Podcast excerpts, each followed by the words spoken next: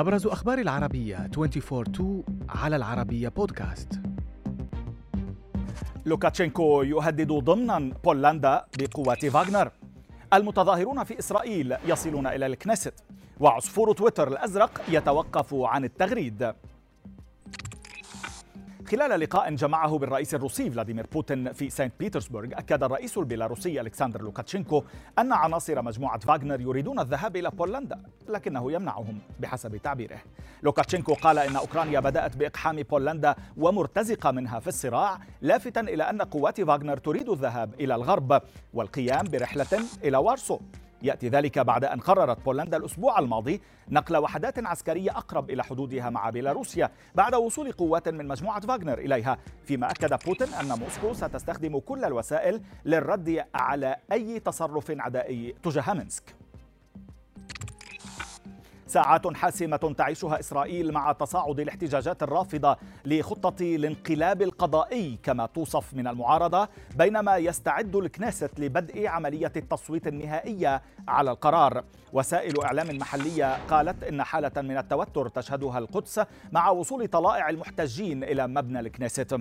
فيما أشارت صحيفة يدعوت أحرونوت الإسرائيلية إلى أن هناك حالة من التوتر تشهدها القدس الغربية منذ صباح اليوم إذ من المتوقع أن تشهد المدينة احتجاجات كبيرة خصوصا في محيط الكنيست.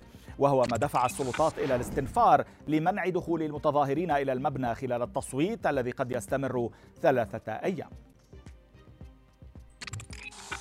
يبدو أن العصفور الأزرق الشهير سيتوقف عن تغريداته وسيتم الاستغناء عنه شأنه شأن الموظفين الذين تم إنهاء خدماتهم في منصة تويتر. حيث أعلن الملياردير الأمريكي ومالك المنصة إيلون ماسك عزمه تغيير شعار العصفور الأزرق الذي ارتبط بتويتر منذ تأسيسه عام 2006 ماسك قال أيضا أن الشعار الجديد سيتمتع بقدر كاف من الجودة وأنه سيطلق للعالم غدا دون أن يذكر تفاصيل أخرى. لكن مالك شركتي سبيس أكس وتسلا لفت إلى أن الحرف في شعار تويتر إلى أن أكس هو الحرف الجديد في شعار تويتر. ما دفع بالكثيرين للمشاركة بالتصاميم ردوا فيها على تغريدات ماسك.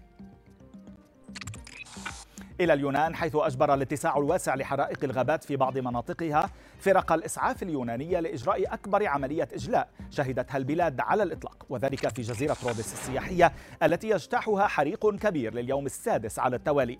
الشرطة اليونانية قالت أن السلطات اضطرت إلى إخلاء منطقة فيها ثلاثون ألف شخص فيما أظهرت لقطات مصورة صفوفا طويلة من السياح وهم يجرون أمتعتهم ضمن عملية الإجلاء.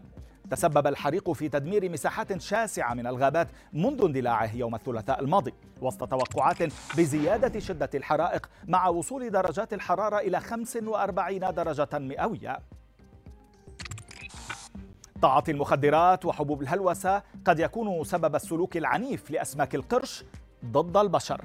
نظرية جديدة وغريبة توصل إليها بعض العلماء. ربما تشرح تزايد هجمات أسماك القرش على البشر في الآونة الأخيرة. هذا ما كشفته قناة ديسكفري الوثائقية التي تستعد لعرض وثائقي بعنوان كوكايين شاركس تتناول فيه احتمال تغذي الأسماك المفترسة في المحيط على المواد المخدرة والحبوب العائمة التي يلقيها المهربون فيما يخطط بعض العلماء في فلوريدا خلال الأشهر المقبلة لأخذ عينات دم من بعض أسماك القرش لتقييم مستويات هذه المواد.